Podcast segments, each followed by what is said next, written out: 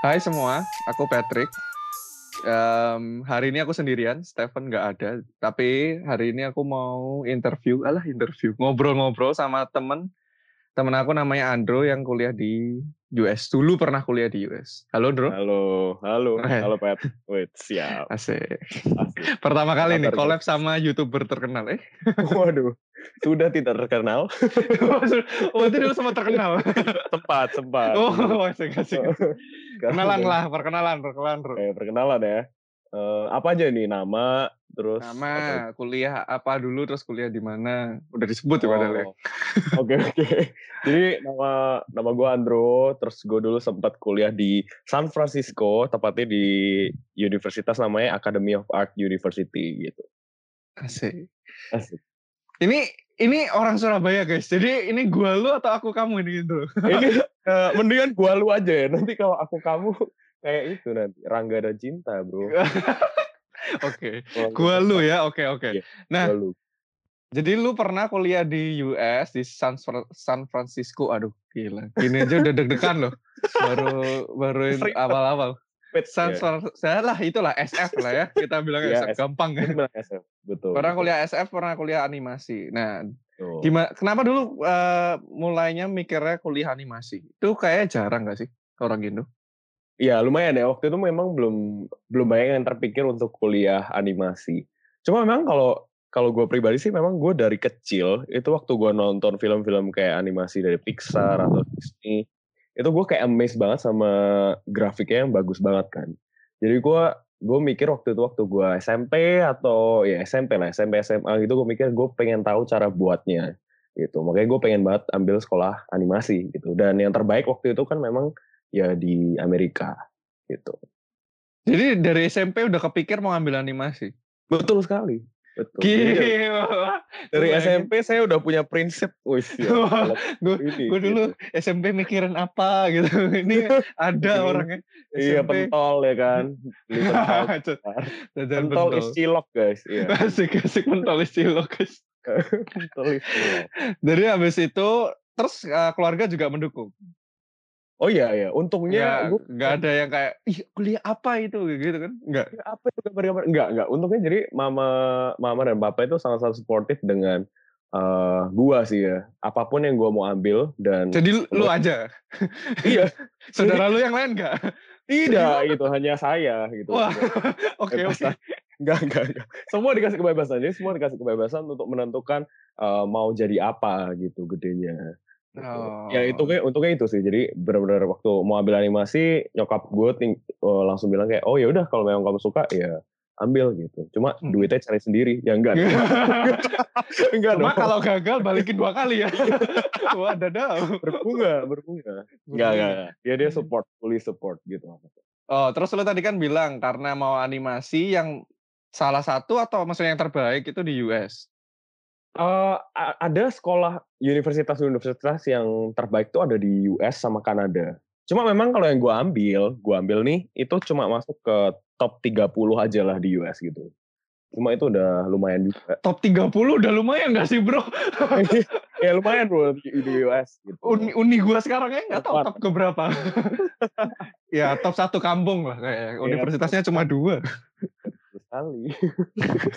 Oke, terus akhirnya pergilah itu ke US. Pergi ke US. Nah. Jadi waktu itu eh, pergi ke US tahun 2013 akhir bro.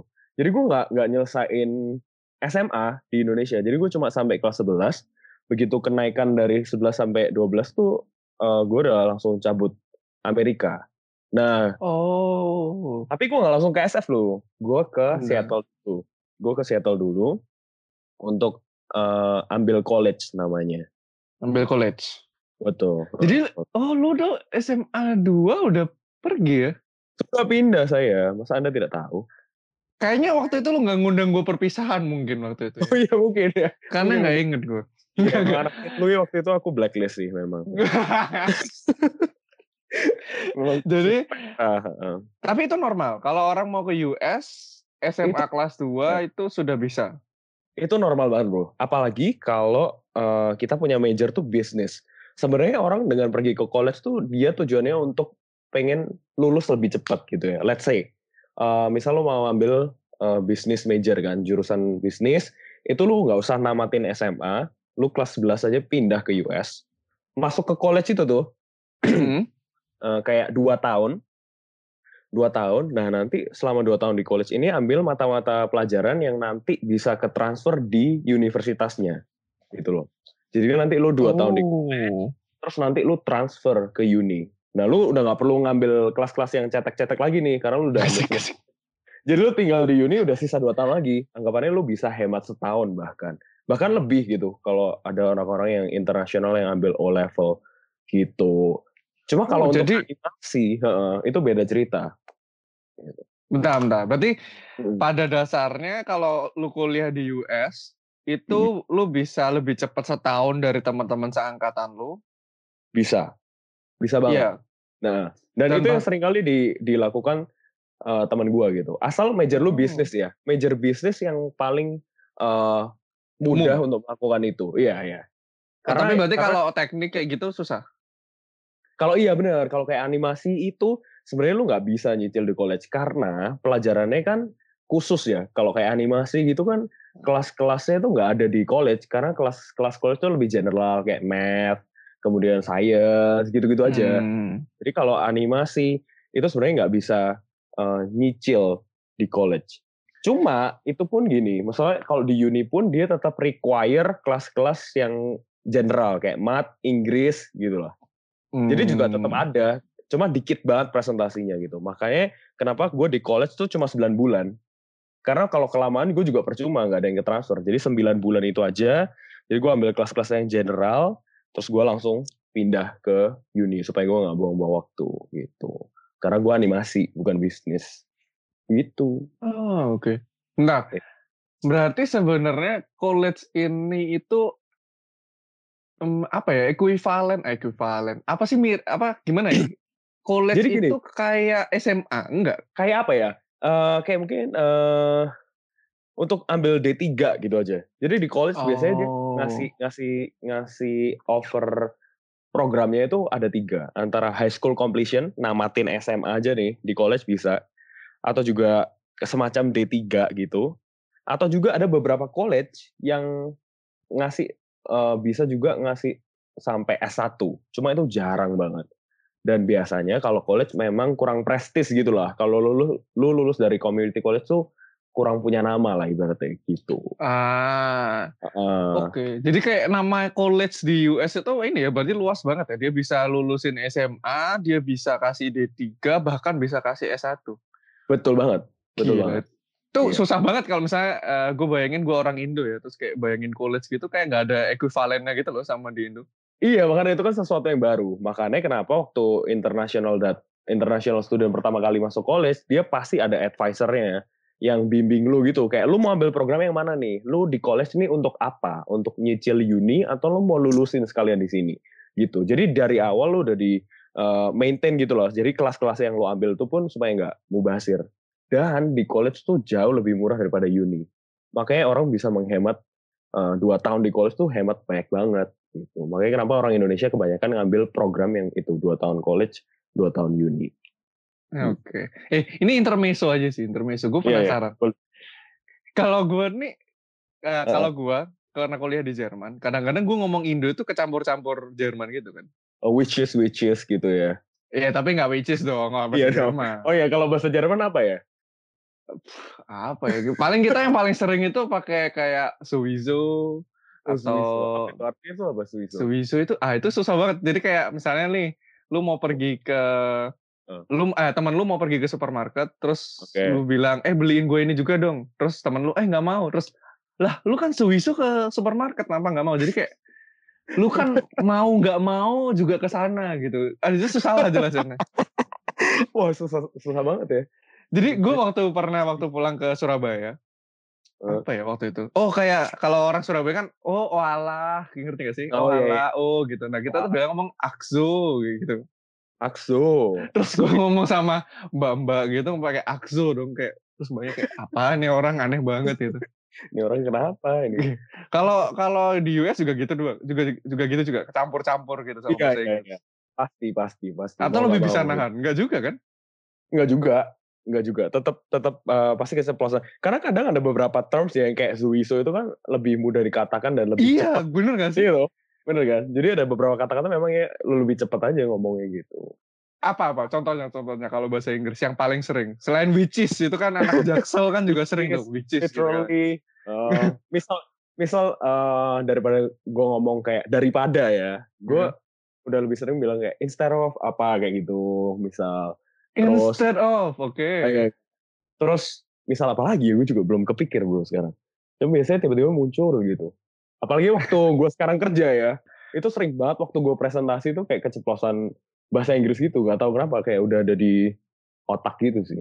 Sering dicengin gak tuh? Woi gaya lu gitu gak? Enggak, untungnya enggak. Karena mereka tidak mengerti. Enggak, enggak. Sombong sekali saya. Enggak, enggak dong. Kamu enggak. kerja di mana sih nak? Kasihan sekali anda. Oke oke oke balik Gua- tadi. Mm-mm. Kenapa Ras? Sorry. Inggris gue tetap tapi Inggris lu tetap medok. Ya lu ngomong Indo juga lu gua kita dari tadi kayak ada medoknya enggak sih? lu gua, ya kan? Gua aja ya udah menang. Oke, berarti balik lagi. Berarti untuk eh, ke US itu lu bisa dari kelas SMA kelas 2, terus requirement-nya apa? Apa yang perlu? Jadi lu perlu rapot SMA lu pastinya. Buat nanti di di review, di review apakah lu perlu nggak ngambil kelas-kelas yang secetek apa gitu misalnya. Terus juga lu perlu ambil TOEFL. Nah, TOEFL itu standarnya beda-beda masing-masing college.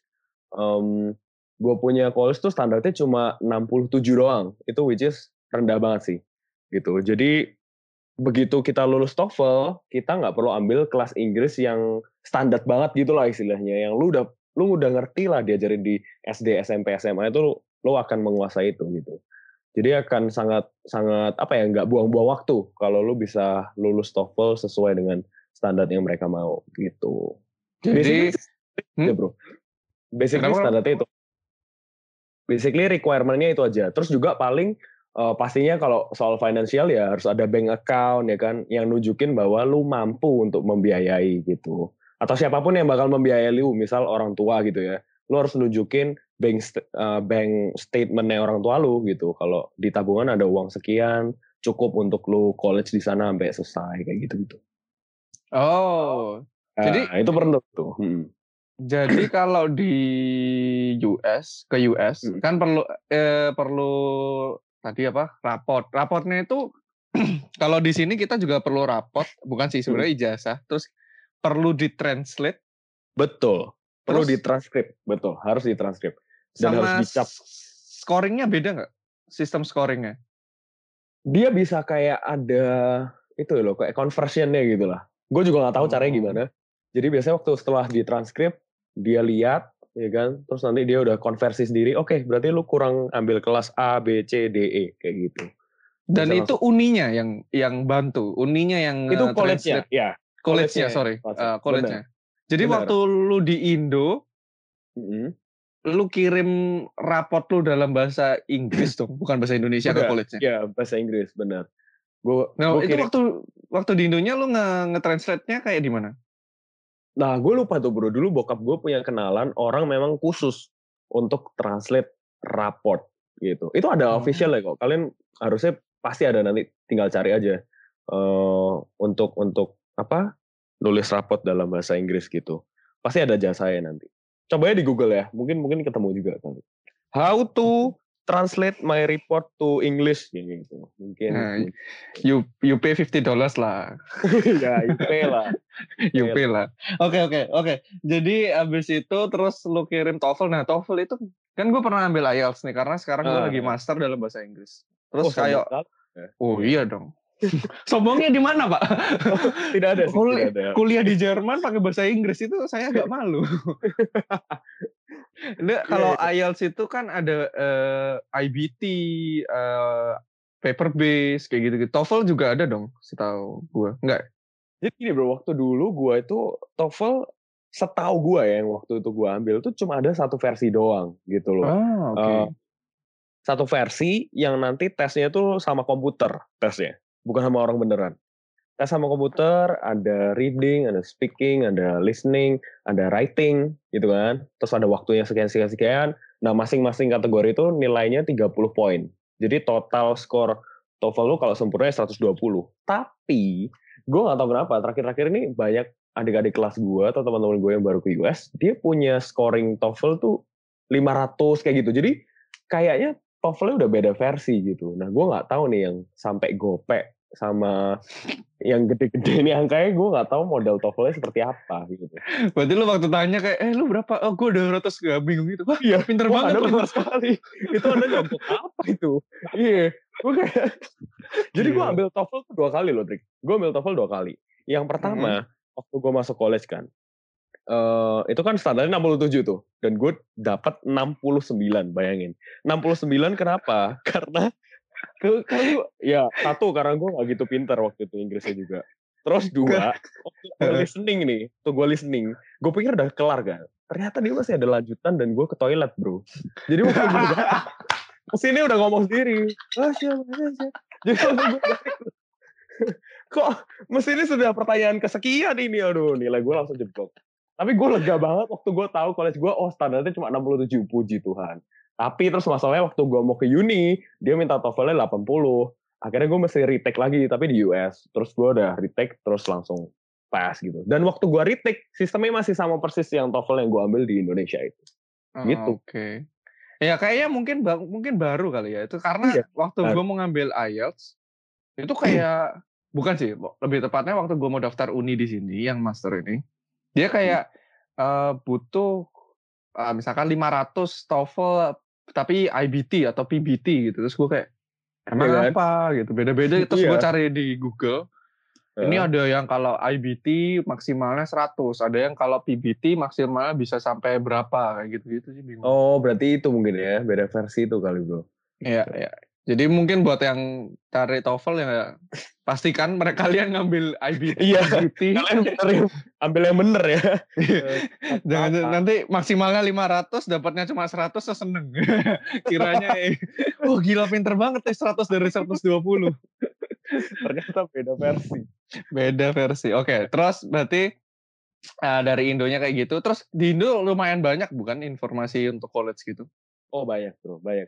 Jadi kalau di Indo sih ada beberapa agent-agent gitu ya. Boleh sebut merek nggak? eh kalau mereka mau sponsor boleh ya lah lah nggak Oh, sebut iya. aja lah sebut aja sebut aja sebut aja Sebetulnya nggak apa-apa lah ya. Biasanya kalau di Surabaya yang terkenal kan Alpha Link. Eh, ya Alpha Link nanti yang akan ngurusin semuanya basically.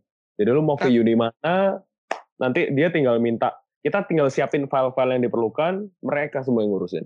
Gitu. Jadi waktu nah makanya kadang-kadang yang gua agak bingung Mm-mm. kan ceritanya kita nih habis SMA masuk college kan Betul.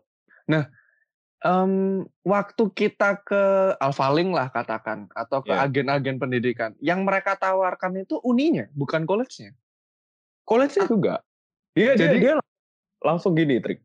Eh, langsung kasih, oke kamu mau major apa? Ya kan, satu. Oke, bisnis. Terus mereka langsung cariin bisnis tuh yang bagus di ini, ini, ini, ini, ini, ini, ini, ini, ini, gitu kan. Terus mereka langsung tawarin, ini yang paling ideal kalau kamu mau sekolah di US, itu kamu ambil college dulu 2 tahun. Itu, mereka udah langsung ada kayak gituan ya.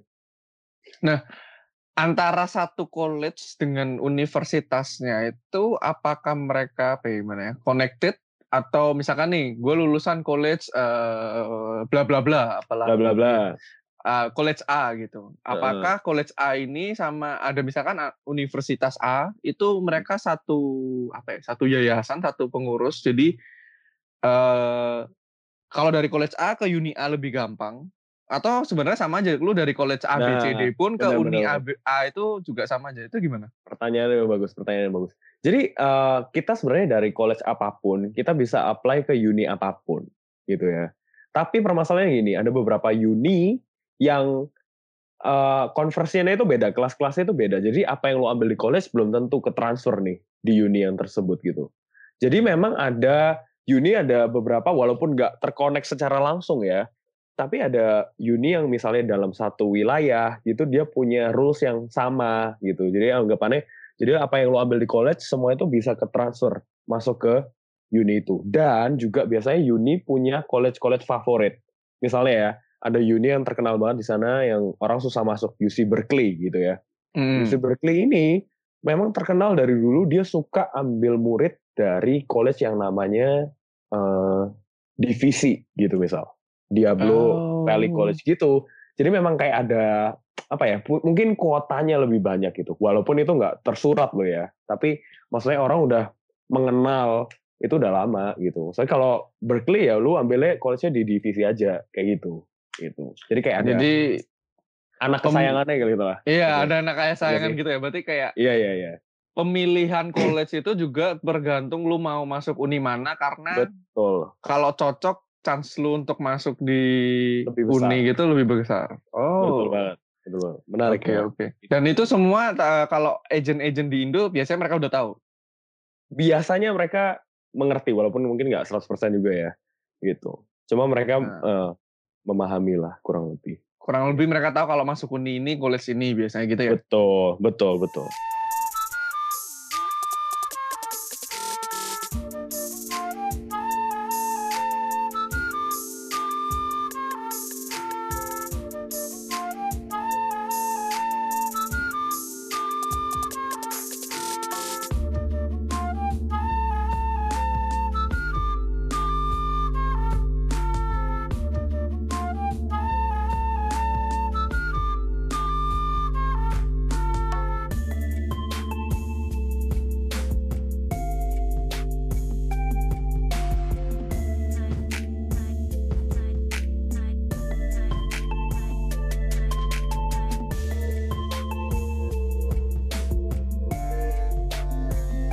sih men- menurut gua salah satu apa ya?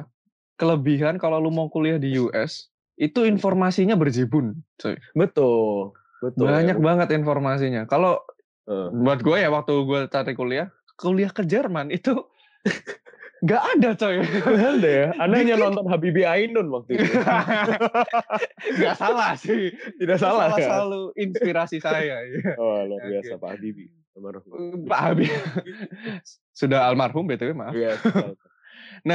Oke, jadi habis college berarti yang paling penting untuk milih college itu selain college-nya bagus, universitasnya juga mana yang bakal terima dan juga ini ya transfer skornya gimana kayak gitu-gitu ya. Iya, Yang betul, paling penting.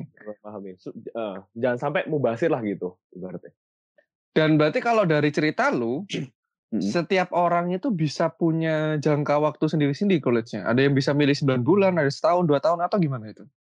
Iya, bisa bro, bisa bisa. Tergantung makanya, tergantung apakah lu lama di college tuh akan menyokong lu di uni nggak gitu. Kayak misalnya gue nih, gue udah tahu waktu gue masuk college ini, gue cuma nyelesain kelas-kelas general aja. Habis gitu gue harus langsung transfer ke uni animasi. Karena kalau gue lebih lamaan dikit aja, percuma semua kelas yang gue ambil di college gitu akan terbakar gitu. Kecuali memang lu pengen pelajari itu ya, kalau memang lu iseng gitu. Jadi jangka jangka waktunya itu tergantung memang seberapa banyak benefit yang lu bisa serap di college untuk menyokong lu di uni nanti gitu. Jadi eh, apa yang jadi waktu lu dari college ke uni yang lu kirim ke mereka itu transkrip nilai lu selama di college. Dari college ke uni, iya. Jadi kalau college gua, eh, kalau uni gua kan gua ambil program yang high school completion, ya kan, yang nyelesain SMA. Jadi gue tuh sebelum dapat diploma itu, sebelum dapat ijazah itu, gue mesti ambil yang namanya SAT itu kayak semacam unasnya gitu lah bro. Hmm. Nah jadi gue kirim dari college ke uni itu satu ijazah gue, ya kan, Hmm. hasil SAT gue, habis itu TOEFL gue yang baru yang memenuhi standar, ya, dan report gue, apa nilai gue dari college itu yang official, itu gue kirim semua ke uni, terus nanti uni review, terus kalau udah accepted ya dia kirimin uh, acceptance letter gitu lah. Ah, jadi eh, sertifikat bahasa kayak TOEFL, SAT dan Benar. ya udah itu. Dan ya. juga dan juga ada beberapa uni yang memang kalau uni susah masuk ya bro ya. Dia tuh minta personal statement gitu. Jadi kayak lu nulis kenapa sih lu kira-kira harus masuk uni itu gitu. Itu biasa yang berat-berat dan personal statementnya harus benar-benar bagus gitu. Ya, bahasanya lu mesti atur gitu. Jadi benar-benar uh, waktu masa-masa transfer tuh masa-masa yang paling itu deg-degan sih memang gitu. Karena ada beberapa uni yang memang susah dapetnya gitu. Jadi lu ibaratnya kayak apply kerja ya lu apply di beberapa tempat gitu lah kalau mau aman. Mm -hmm. Oke. Okay. Terus waktu lu memilih uni, hmm? uh, apa tadi yang SF uh, Art of University ya apa? Iya, Academy of Art. Iya, Academy of Art. Ganti aja namanya. ya itulah bro ya, Academy of Art Uni okay. eh, Academy of Art San Francisco itu um, Iya, iya, terus, terus, terus. Kenapa ketawa Anda? Ini penghinaan. Udah guys, ngambek saya. Academy of Art of SF. Iya, iya, iya. Iya, iya, iya. Itulah ya, apa SF itu. Uh -uh. Oh, oh. Itu berarti lu daftar juga ke beberapa uni? Enggak, Bro. Nah, gini, kalau pas gue ini, Berarti Anda kebedean. Atau gimana ini?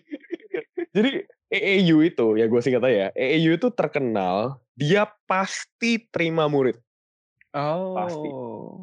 100%. Acceptance apa? Acceptance rate rate-nya itu 100% gitu. Jadi lu pasti keterima tapi lu belum tentu lulus ya karena berat kan art gitu. Jadi dia dia pasti terima. Nah, makanya gue santuy aja waktu itu. Gue apply ya satu doang gitu. Sedangkan oh. teman-teman gue bisnis itu kan dia ke uni-uni yang kayak UDAP itu yang di Seattle, terus Berkeley, itu memang terkenal susah banget masuknya. Makanya mereka lebih harap-harap cemas gitu lah. Kalau gue mah santuy aja, gue satu, terus dua minggu kemudian gue udah dikirimin acceptance letter gitu. Jadi emang oh. pas. Selain itu dulu lu sempat cari alternatif lain nggak? Atau lu udah kayak memang itu aja gitu? Jadi gini, gue sempat hampir memang apply di satu uni namanya DigiPen di Seattle juga nih gue udah research. Nah, tapi kalau di Japan dia lebih ketat. Kita harus kirimin portfolio, kita harus kirimin personal statement itu. Nah, gue udah buat tuh, gue udah buat. Tapi kemudian di suatu saat waktu gue liburan nih sama dan waktu itu kan zaman-zaman uh, nakal ya waktu itu ya. Ini cerita sedikit ya. Waktu itu zaman-zaman nakal, kemudian kita habis minum begitu kan. Terus kita kayak duduk-duduk santuy gitu kan habis minum dia bilang lu kenapa nggak apply di AAU aja bro gitu like randomly gitu randomly temen gue yang setengah mabok ini bilang kayak gitu gue. Terus gue nggak AAU di mana ya? AAU di mana? Oh di SF itu temen gue banyak tuh yang di situ bagus kok gitu. Langsung lah gue research kan gue research ternyata AAU rate rankingnya lebih bagus daripada yang tadi itu yang di Japan itu. Dan hmm. acceptance rate-nya 100% ya gue mikir kayak ya udah gue ini aja mah gitu. Ini emang kocol sih kenapa gue milih itu gitu. gue tadi tuh sebenarnya berharap lu bakal jawab, oh ya karena dibanding uni ini itu technical technical gitu. Iya. Kagak. Gue mabuk, temen gue bilang EEU bagus, 100% acceptance-nya. Oke okay, bro. iya memang. Jadi waktu itu kayak gitu. Ya. Salah narasumber ini kayak salah, salah. narasumber. Kurang, salah. kurang kurang kompeten kayaknya. Aduh, maaf ya. Oke, okay, tapi akhirnya lu masuk ke AAU uh, eh, dari Seattle pindah ke SF. Betul. Nah itu gue happy banget tuh jujur karena memang waktu di Seattle tuh gue udah ngerasa jenuh sih gitu karena Seattle lebih kecil kotanya. Begitu gue di SF, gue hidup lah gue. Kayak oh itu lebih asik gitu lah. Kalau gue pribadi ya, gue tidak tidak kalau kalian yang dengerin kalian sekolah di Seattle, Seattle bagus ya kan. Iya. Buat kalian yang mau haters haters nanti di akhir ya kan? segmen kita kasih tahu nanti oh, gitu. bisa di DM aja di Instagramnya langsung ya. langsung boykot saya tidak apa-apa. Oke. Abis itu lu pindah ke SF. Pindah ke SF gua. Masuklah dunia kuliah itu. Nah, dari uh, gue kasih bayangan dong, SF ke Seattle itu berapa jauhnya? Kalau pesawat? Kalau nyetir atau jalan kaki? Uh, ngesot, ngesot. Emang bisa oh, jalan kaki bro? Enggak kan?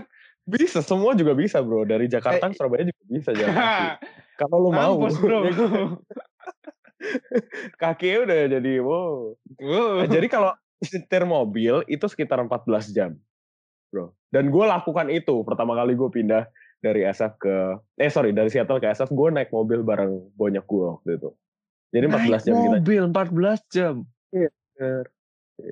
Dan gue nyesel juga sih karena ternyata ternyata di US juga ada jasa itu loh, jasa yang mobil lu diangkut ke atas truk terus nanti dikirim ke tempat iya, itu. Kan, kan ada kayak gitu biasanya. Dan murah sekali ternyata. Jadi gue gue kayak baru tahu itu tapi setelah gue road trip. Cuma ya nggak apa-apa lah, kan gue quality time itu kan yang banyak gue. Oh gitu ya. Quality time cuma sampai 14 jam kemudian. 14 jam. Itu kayak dua jam masih harmonis, habis gitu sih saya berantem habis gitu. Ngapain itu kita road trip gitu. Aduh, gila 14 jam. Oke. Okay. Ini menarik karena lu hmm. bilang lu nyetir mobil. Berarti di US itu normalnya student itu punya mobil. Karena kalau di kalau di Jerman lu student punya mobil, ngapain ngapain kuliah di sini, Bro? Pasti kita bilang gitu, gitu. Ya? iya, oh. iya. Karena di Jerman udah maksudnya transport umum semua gitu ya. Iya, kita di sini normalnya pakai uh, ya gampangannya MRT, tram, bis kayak gitu-gitu. Oh, I see, I see. Iya sih di US juga ya? lengkap. Di lengkap sebenarnya uh, transportnya. Cuma gini, di US tuh harga mobil uh, murah banget itu compare to Indonesia ya. Nggak tahu di Jerman mungkin juga murah kali ya. Gue nggak tahu juga tuh. Ah, saking nggak punya duitnya nggak pernah ngecek juga bro. Waduh. Ngapain kita ngecek kalau nggak bisa beli bro? Ya mungkin kan buat sakit mata. kan beli Hot Wheel-nya dulu nggak apa-apa. iya iya. Oh. Jadi US rata-rata punya mobil. Bukan rata ya gue bisa bilang 50% atau 60% gitu. Kalau orang US bilang mostly lah ya, mostly ya. Mostly. Asli ya, mostly ya benar benar. Mostly. Gue gitu ya ngomongnya mesti mostly. Gue gue ngomongnya salah banget kayak gitu. Enggak enggak bener kok tadi. Tapi mostly. ini mostly mostly lah ya, mostly punya lah ya, punya nah, mobil. Mostly punya. Kalau ini intermezzo lah ya, dari daripada kuliah terus yang dibahas. Asik. Ya. SIM-nya nggak mahal, Bro.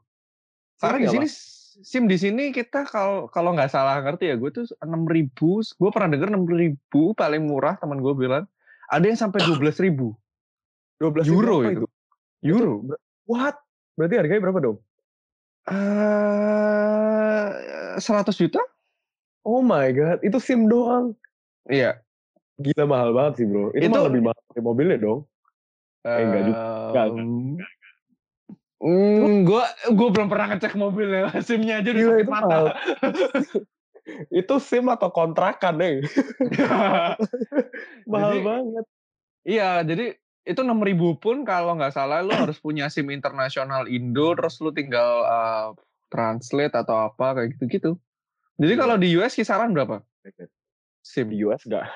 Di US mah dalam masih jutaan lah paling ya. Total gini. Jadi kalau di US masing-masing state atau negara bagian tuh punya rules-nya sendiri-sendiri dalam mendapatkan SIM.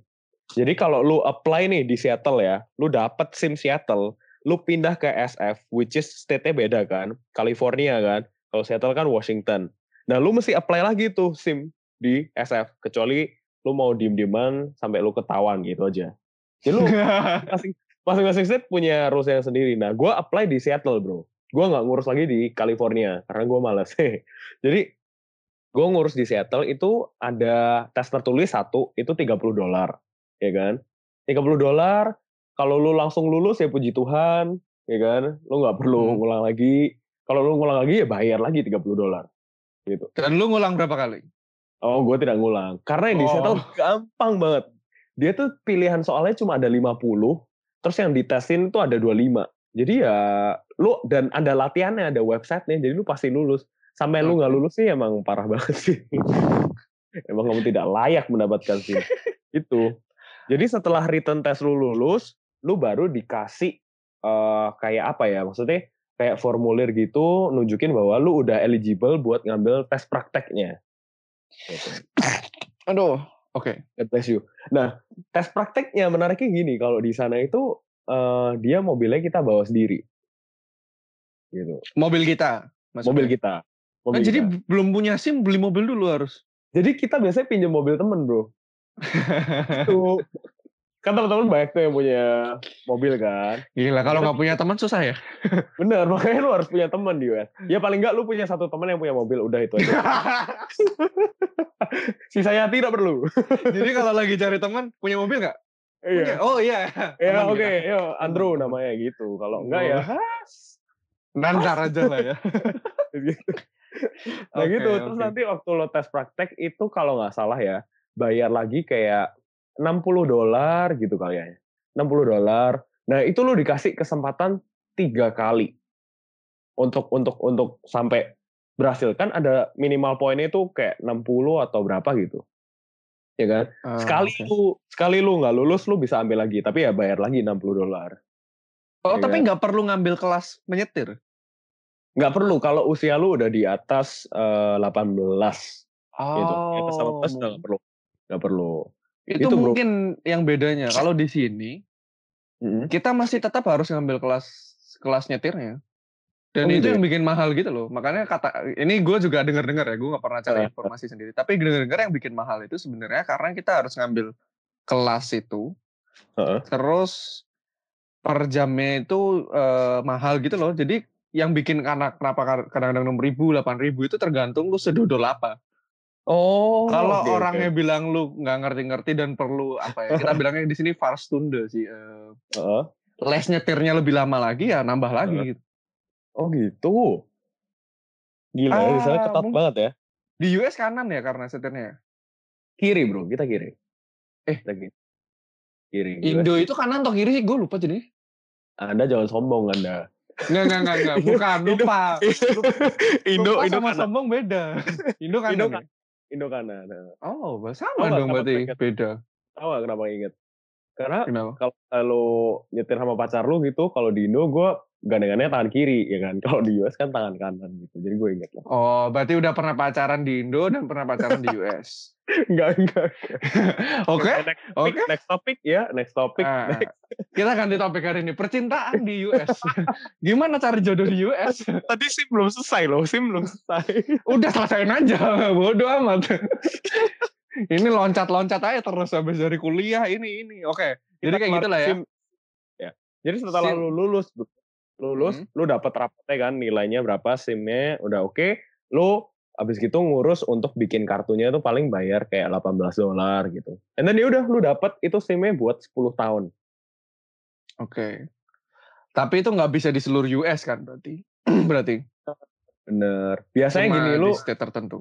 ya kalau lu pindah state, dia kasih aslinya ya, rules tertulis tuh tiga bulan buat lu nyetir pakai SIM state yang lama. Habis gitu lu suruh ngurus aslinya. Cuma kalau lu tidak ketahuan, hehehe, dan tidak pernah kena tilang, ya tidak akan ada yang pernah tahu. Oh, akhir akhirnya. Ini kok rasa-rasanya bau-baunya banyak yang kayak gitu ya? Wah, termasuk saya. Iya banyak gitu. Karena kan males kita, maksudnya kita udah tes praktek susah-susah, suruh tes lagi waktu pindah state. Oh, jadi itu harus tes lagi. Nggak Tes bisa praktek. transfer aja. tes praktek doang. Oh, ya oke lah tes praktek doang. atau tes tes tulis doang ding sorry sorry tes tulis doang karena tulis yang beda jadi nggak usah tes praktek lagi gitu tapi tes tulis nah tapi di state lain biasanya tes tulisnya jauh lebih susah gitu Seattle paling gampang Oke. Iya. Jadi buat yang mau nyetir di US, mau gaya-gaya punya SIM ke Seattle aja. ya Buat apa coba? hanya untuk bikin simnya luar biasa sekali Terus habis itu balik Indo, ngapain? buat sombongin nih gue gak punya SIM gitu kan, aneh iya. banget. Oke, balik nih, balik ke topik awal. Masuk kuliah. Jadi habis kirim yang tadi tetek bengek, apa Iya. SAT dan segala macam, masuklah ke uni. Eh tadi gue udah sebut transport karena dikit sedikit info kalau di Jerman itu kita Iya. bayar kuliah itu tuh Hmm. sebenarnya lebih ke arah ke arah bayar namanya semester tiket atau kayak oke sumbangan untuk bukan sumbangan sih kayak untuk organisasi siswa gitu bukan kayak os bukan kayak osis gitu tapi kayak biasanya setiap uni mereka punya Heeh. organisasi yang untuk bangun asrama wow untuk kasih diskon makanan di kantin kayak gitu gitu kan. wih keren banget Iya, Nah, terus- jadi kisaran itu biasanya kita satu semester Mm-mm. itu sekitar 4 juta, 3 sampai paling mahal 6 juta lah.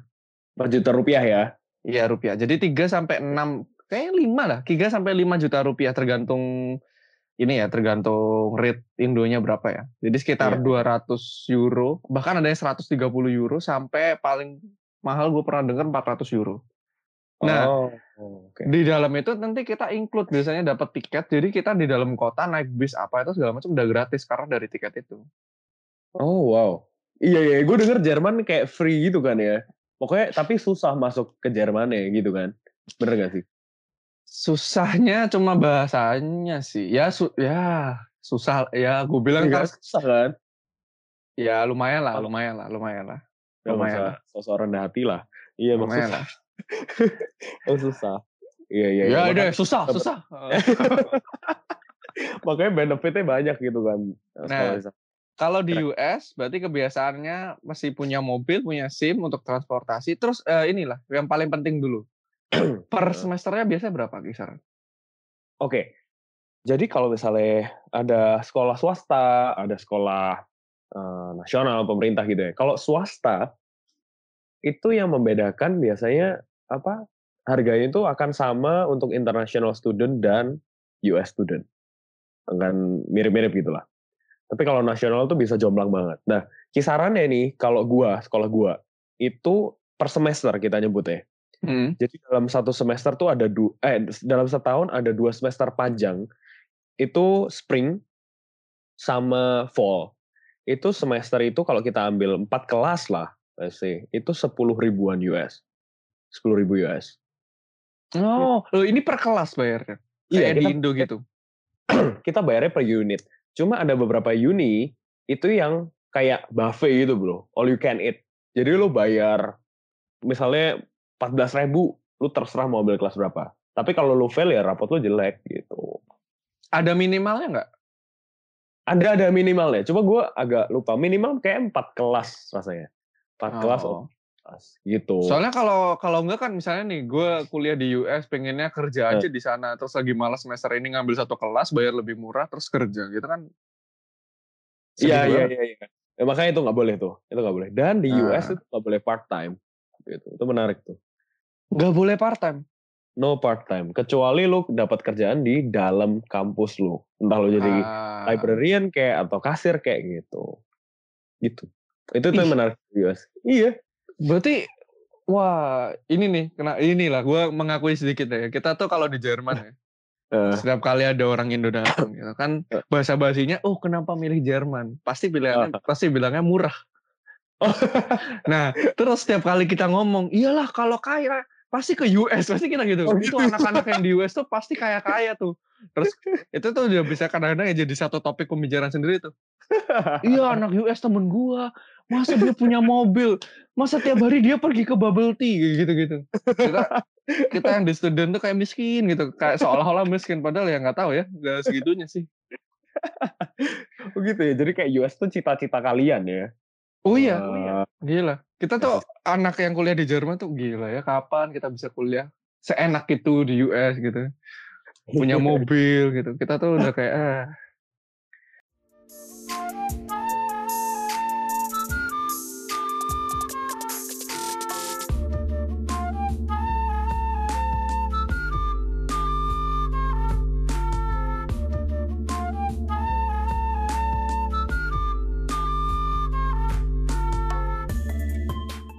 Nah, kalau kayak gitu uh, kehidupan kuliah sebagai anak kuliah di US itu seperti apa? Kehidupan anak kuliah. Nah, itu memang harus pinter-pinter pilih uh, komunitas sih, Bro. Jadi kalau di US itu biasanya langsung uh, ada kayak gimana ya? Ada beberapa Apa ini? Ya, Kenapa kok kayak gitu? antara lu tambah soleh karena lu masuk komunitas yang misalnya komunitas gereja gitu ya benar-benar pelayanan on fire di sana. Ada yang uh, langsung Americanize, yang kumpulnya sama orang-orang Amerika nih, nggak mau sama Indo gitu. Ya mungkin mereka juga lebih cocok sana, jadi hidupnya orang bule gitu. Dan juga ada yang benar-benar mungkin bisa dibilang kayak ya uh, just wanna have fun gitu, yang pure yang mau cobain everything gitu, yang legal di US gitu. Jadi emang kehidupan di sana cukup bervariasi. Cuma kalau dikategorikan mungkin ada tiga kategori itu kali ya. Tiga hmm. kategori itu. Terus juga hmm. kategori keempat ya yang mager yang di rumah aja, yang anak rumahan. Eh, kayak ya. main Dota aja di rumah gitu ya. Main Dota gitu, hebat. Nah, internet kalau, kan kali di sana. Ya, ya, internet kenceng ya. Kenceng banget, Bro. Kalau kalau kehidupan kuliahnya, maksudnya lu sebagai anak animasi itu biasanya di uni ngapain aja. Gue pernah lihat video YouTube lo, kayaknya jelasin sedikit, eh, bukan sedikit sih banyak ya, satu video tentang keseharian lu di US ya. Iya, tolong di subscribe nah, guys. Itu ada di YouTube channel saya. Malah promosi di channel orang. Weh, itu oh, nggak boleh ya? Gak apa-apa, gak apa-apa, gak apa-apa. Bayar aja nanti ya. Iya, siap. Royalty, royalty. Coba, coba apa kayak mesti ceritain lagi lah dikit gitu. Jadi lu okay. uh, biasanya sebagai student itu di kampus ngapain aja, terus pelajaran yang masih lu inget lu pernah ambil sebagai kuliah animasi itu apa aja gitu.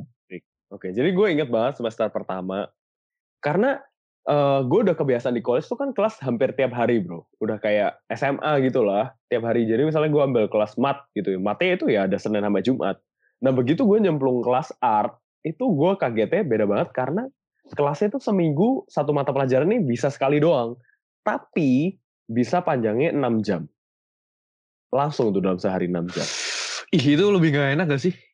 Iya, cuma kayak ada breaknya and everything gitu. Lama-lama lu biasa sih. Pertama gue kayak, what? Kelas 6 jam? Ini gue mau ngapain di kelas gitu kan. Karena kalau kelas art, itu kalau dipotong-potong jadi sejam kayak nanggung gitu loh. Misalnya gurunya lagi demo nih, demo gambar. Ya kan? Baru sejam terus, oke okay, see you next week kan atau si tomorrow itu kayak nanggung gitu. Jadi kita nggak ngerti. Nah makanya gue ngerti alasannya sekarang kenapa kelas art tuh panjang-panjang. Nah karena kayak gitu kelasnya jadi uh, kita mesti pintar-pintar ngatur nih gimana supaya kalau gue pribadi karena gue sukaan ngerjain tugas di rumah gue selalu milihnya itu kalau bisa gue seminggu ke sekolah cuma dua kali gitu. Jadi gue tumpuk tuh. Misal ada empat mata pelajaran ya kan? Satu enam jam yang dua tiga jam tiga jam satu enam jam lagi. Nah gimana caranya gue jadi ini tuh cuma jadi kayak senin selasa gitu atau senin kamis kayak gitu loh. Dan sisanya gue ngerjain tugas di rumah gitu. Basically kayak libur literally gak ada kelas gitu sih saya kayak bisa tiga hari dalam seminggu lu tuh di rumah tapi tugasnya banyak kalau anak art gitu masalahnya. Mm -hmm. itu enak. Kelasnya kelasnya apa aja sih kalau animasi? Gak mungkin fisika biologi gitu kan? Sudah tidak ada. Itu sudah dibuang jauh-jauh Jadi yang yang harus ada ya. Kalau animasi ya kalau udah fokus jadi animasi itu pun banyak sih. Banyak banget macamnya. Penjurusan. Hmm.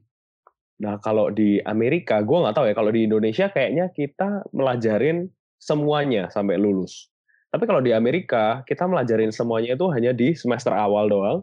Habis itu langsung masuk penjurusan mana yang kita mau fokus gitu. Jadi di animasi kan ada yang namanya modeling gitu yang kayak apa bikin modelnya sculpting gitu kan.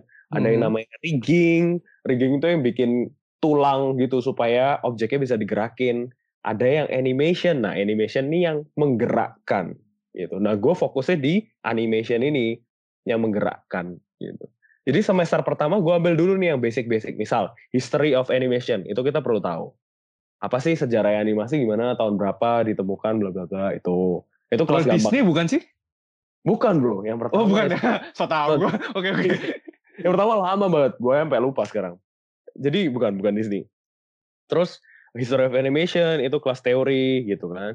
Terus ada illustration kita harus ambil tuh. Kita harus bisa gambar. At least mengerti lah. Maksudnya bagaimana sih uh, cahaya itu uh, ke benda itu gimana fisikanya. Maksudnya ya teori itu seperti apa kita mesti pahami itu.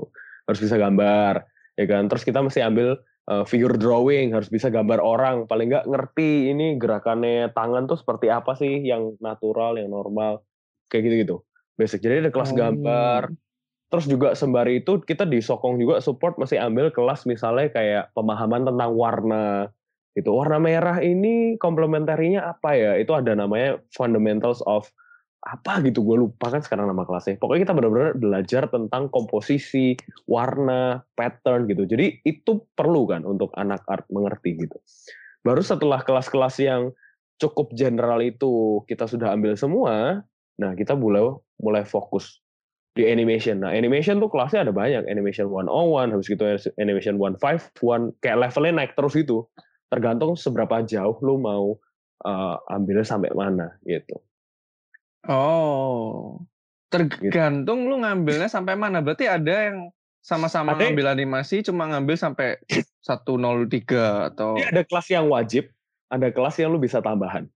Gitu Oh, oke oke oke. Dan ada juga kelas kita dikasih kebebasan untuk milih lima kelas, terserah mau ambil apa pun di luar major kita. Eh tiga ding, sorry, tiga kelas terserah mau ambil major apa pun. Jadi misal gue nih, gue mau, gue penasaran nih cara directing gimana ya? Boleh tuh gue ambil kelas directing. Gitu. Hmm. Oke oke oke. Aplikasi apa yang penting buat anak animasi? Misalnya ini ada anak yang lagi mau dengerin, lagi dengerin podcast ini, terus kayak, oh dia Heeh. pengen, jadi pengen kuliah animasi gitu. Apa ada nggak Iya. sih aplikasi atau program yang penting gitu? Oh, untuk dipakai software-nya maksudnya ya? Ya software software Oke. sorry. Kalau kita di sana itu pakai eh, Autodesk Maya. Itu software 3D gitu. Akan sangat membantu kalau kita udah mengerti itu sebelum kita masuk kuliah sih. Hmm. Jadi kalau Tap- misalnya kalian dengerin dan kalian mau nih berminat sekolah animasi, eh, saran gua sih untuk bisa punya program itu dan mempelajarinya gitu. Jadi waktu kalian di uni, wow, kalian udah paling nggak ahead of anybody, anyone else gitu. Maksudnya yang lain di belakang lu gitu. Lu udah ngerti A, B, C, D-nya gitu. Itu akan sangat membantu. Oke, Aut- Autodesk, Autodesk Maya, bro. Autodesk, Autodesk Maya. Oke, Maya. Heeh. oke. Itu ini Cuma open source software- atau enggak? Enggak, itu berbayar. Tapi Oh, gini berbayar. kalau eh, berbayar. Tapi kalau begitu lo kalau di sekolah gue sih dikasih free kalau studentnya gitu. Kalau Oh, yang iya, mau iya, gratis sama, tuh sama, ada sama. tuh namanya Blender. Blender gratis. Cuma ya UI-nya beda, user interface-nya beda gitu kan dengan dengan UI-nya doang kan tapi maksudnya secara fungsional cuma secara fungsional harusnya kurang lebih sama karena ya 3D 3D is, ya more and less kayak gitulah. 3D is 3D. Oke. iya. Apa sih? 3D is 3D. Di bintang. Oke, oke. Iya. Nah, ini buat teman-teman yang mungkin pengen kuliah ke US tapi misalnya secara finansial kur, apa sulit kayak gitu. Sebenarnya Iya, iya. ada program-program bantuan dari universitas kah atau ada scholarship kah? Yang lu tahu ada nggak? Jadi biasanya kalau yang nawarin scholarship tuh sekolah yang dari pemerintah tuh biasanya ada scholarship. Swasta kayaknya agak jarang gitu. Nah bisa ada scholarship nanti eh, lu di gue nggak tahu ya teman gue sih ada yang ambil scholarship tuh dia ditelepon dulu sama uni di interview dan dari awal dia memang udah masukin maksudnya gue mau apply untuk scholarship eh, punya program nih gitu. Ntar di review terus dilihat rapot lu eh, eligibilitas lu lah pokoknya. Terus setelah itu kalau udah oke nanti dia tentuin rate-nya. Oke lu dapet scholarship berapa persen gitu. Tapi itu, Itu- uninya yang kontak atau Kita yang Ya. approach kita mau ambil scholarship eh, program Oh. nih gitu kan. Nah nanti kan dia ada application-nya. Lu mesti lengkapin apa aja kayak gitu. Terus Oh, nanti oke. baru eh, di interview dan lain sebagainya gitu. Melalui beberapa proses lah. Gitu. Nggak gampang memang, tapi kalau memang pinter banget sih bisa dapet gitu. berarti ada lah ya setiap Ada universitas jalurnya, Bro. swasta ataupun nggak swasta sebenarnya ada scholarship itu.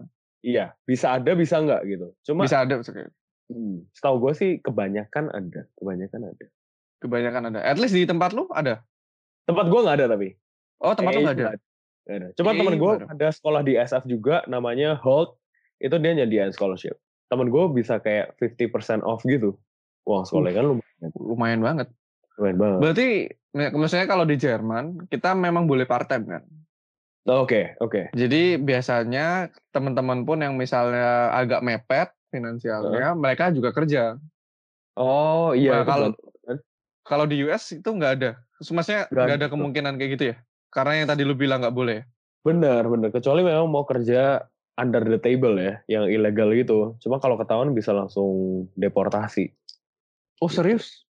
Eh iya, Iya. di sini juga sih harusnya. Iya kan? Kalau Iya, kalau iya. ilegal gitu.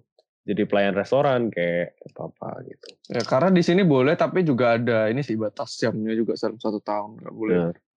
Cuma Oke. eh, US Hmm. juga nyediain kalau mau bener-bener kerja nih, bener-bener kerja eh, waktu ngampus itu dia ada namanya semacam legal itu ya itu aku lupa ya.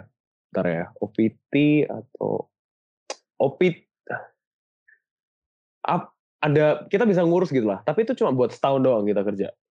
Setahun doang buat. Oh, jadi kayak tambahan dari visa kuliah kita gitu. Iya benar. Dan kita kan harusnya kalau setelah kuliah itu kita ada yang namanya OPT. Nah itu kita bisa kerja setahun tuh. Nah tapi itu kita bisa pakai juga waktu kita di uni.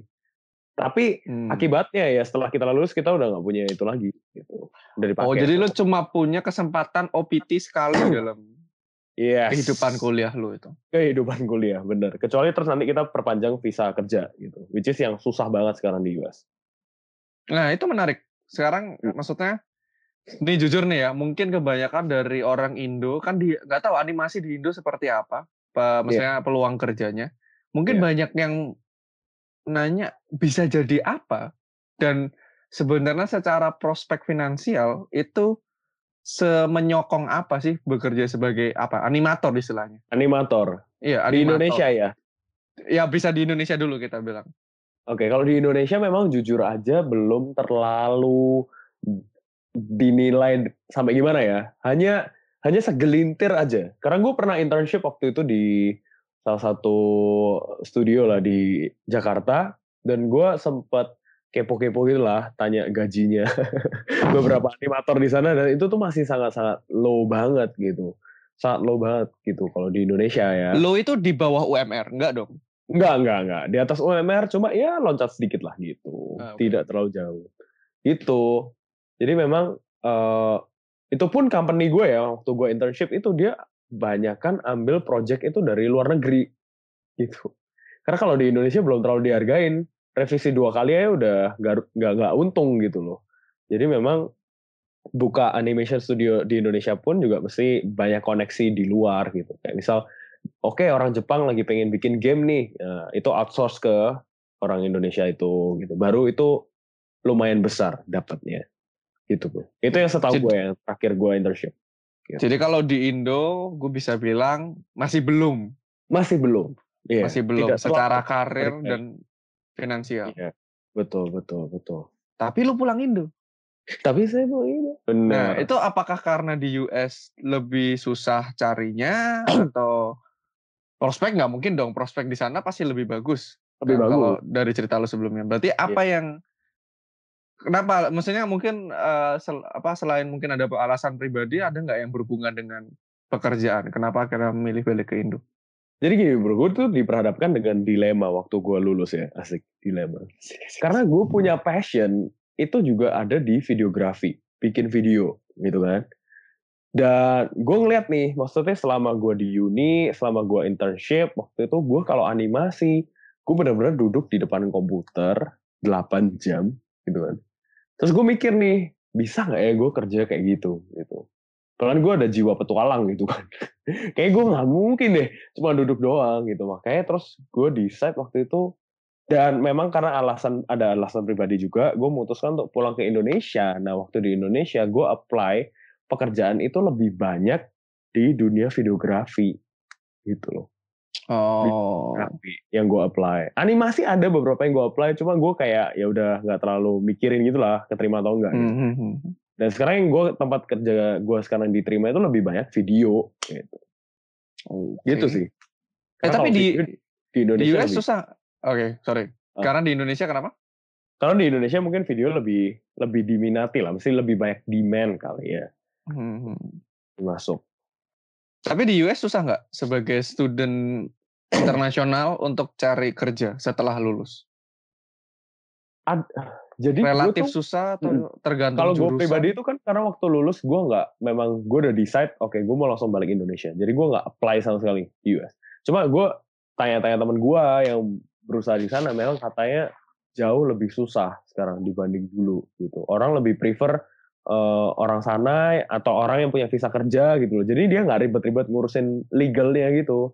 Karena kalau Hmm. OPT aduh cuma setahun mentok-mentok paling tiga tahun gitu kan. Terus habis itu dia harus ngurusin apanya. Nah itu biasanya mereka males. Kecuali lu memang bener-bener bagus ya. Itu pasti dia akan usahain semaksimal mungkin gitu. Temen gue ada yang beberapa yang dapet. Tapi nggak sesuai bener-bener yang harapan mereka gitu. Misal mereka kan sekolahnya 3D animation. Tapi mereka masuknya ke company game gitu misal. Masih ngerempet-ngerempet lah gitu. Tapi bukan sepenuhnya yang sesuai dengan mereka mau gitu ya yang yang mau aja gitu yang yang yang nerima aja maksudnya gitu ada beberapa yang kayak gitu Jadi kebanyakan ini ya, kebanyakan pada pulang ke negara masing-masing berarti. iya iya bro Bisa dibilang gitu kan? Berarti. bisa dibilang gitu Oke. Eh. Ya, terakhir dong. Tips dan trik. tips dan trik dalam untuk jadi youtuber. Eh salah.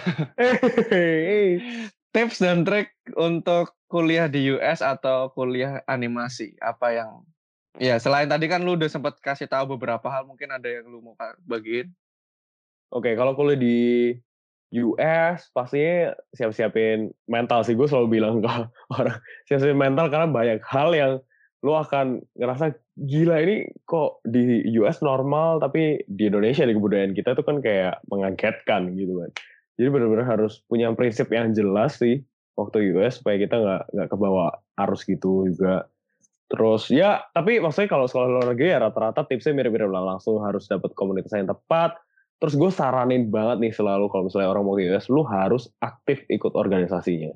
Karena itu kan akan sangat bantu lu di sana gitu. Dan ketika pulang Indonesia, karena banyak organisasi Indo atau organisasi internasional? Organisasi internasional kayak organisasi Apa pun. Indo, kayak semua yang akan dibantu gitu. Organisasi Indo pun, let's say, uh, presiden nih waktu datang ke US ya nyari ya organisasi Indo gitu kan. Hmm. bayangin aja kita punya chance untuk connect dengan orang-orang sebesar itu kan sangat-sangat luar biasa gitu loh. Angka, makanya alangkah baiknya untuk aktif di sana gitu. Terus kalau animasi, uh, ya itu tadi pelajari software ahead of time gitu ya. Jadi nggak perlu lu sampai US dulu baru lu belajar bareng-bareng yang lain. Tapi lu kalau bisa advance duluan, wah itu mantap banget. Kalau lu bisa okay. lebih gitu. Oke. Okay. Begitu kan? Gitu. Gitu. Eh, tapi rasis nggak orang di US? Enggak bro, untungnya enggak sih. Kalau yang kayak ya? California itu udah enggak. Beberapa nah. mungkin kalau yang di US US bagian lain ya, ada yang rasis tapi kayak mostly udah enggak juga sih. Oke oke oke. Itu jadi, aman, jadi aman. buat pendengar-pendengar kalau ada yang mendengarkan. Iya betul. Ada dong. Selain, selain papa mama. Eh tolong promosi ke papa mama juga ya nanti ya kalau Selain Ojan. Soal dia soalnya dia mau ngedit ya kan jadi harus dengerin. Iya kan dia ngedit dia masih dengerin dong. Oke, jadi buat teman-teman yang dengerin itu sedikit nggak sedikit sih banyak informasi tentang kuliah animasi, nah, kuliah US. Nah kalau mau ini, lu mau promosi nih kalian Instagram, YouTube apa, monggo. Walaupun belum tentu pendengarnya lebih banyak belum, dari YouTube lu. Enggak. Nanti paling yang follow cuma Ojan ya kan. Nggak, ya kalau kalian, gue sih sering beberapa kali bikin konten di YouTube, cuma walaupun sekarang udah gak rutin ya, karena gue very very busy gitu sekarang. Jadi gue kayak uh, kadang bikin konten tentang kuliah di Amerika, ya kalian kalau pengen tahu cari aja di YouTube Andro Adiwijaya gitu. Kalau mau DM gue juga langsung aja di Andro Adiwijaya di Instagram gue. Begitu, teman-teman. Oh, Oke. Okay. Oh, yeah. Terakhir single kan tapi kak? Eh, eh? Oh, masih, masih. Masih. Oh, masih Jadi DM tapi complicated oh ya. apa nih? Single status tapi complicated finansial. Maksudnya apa gimana?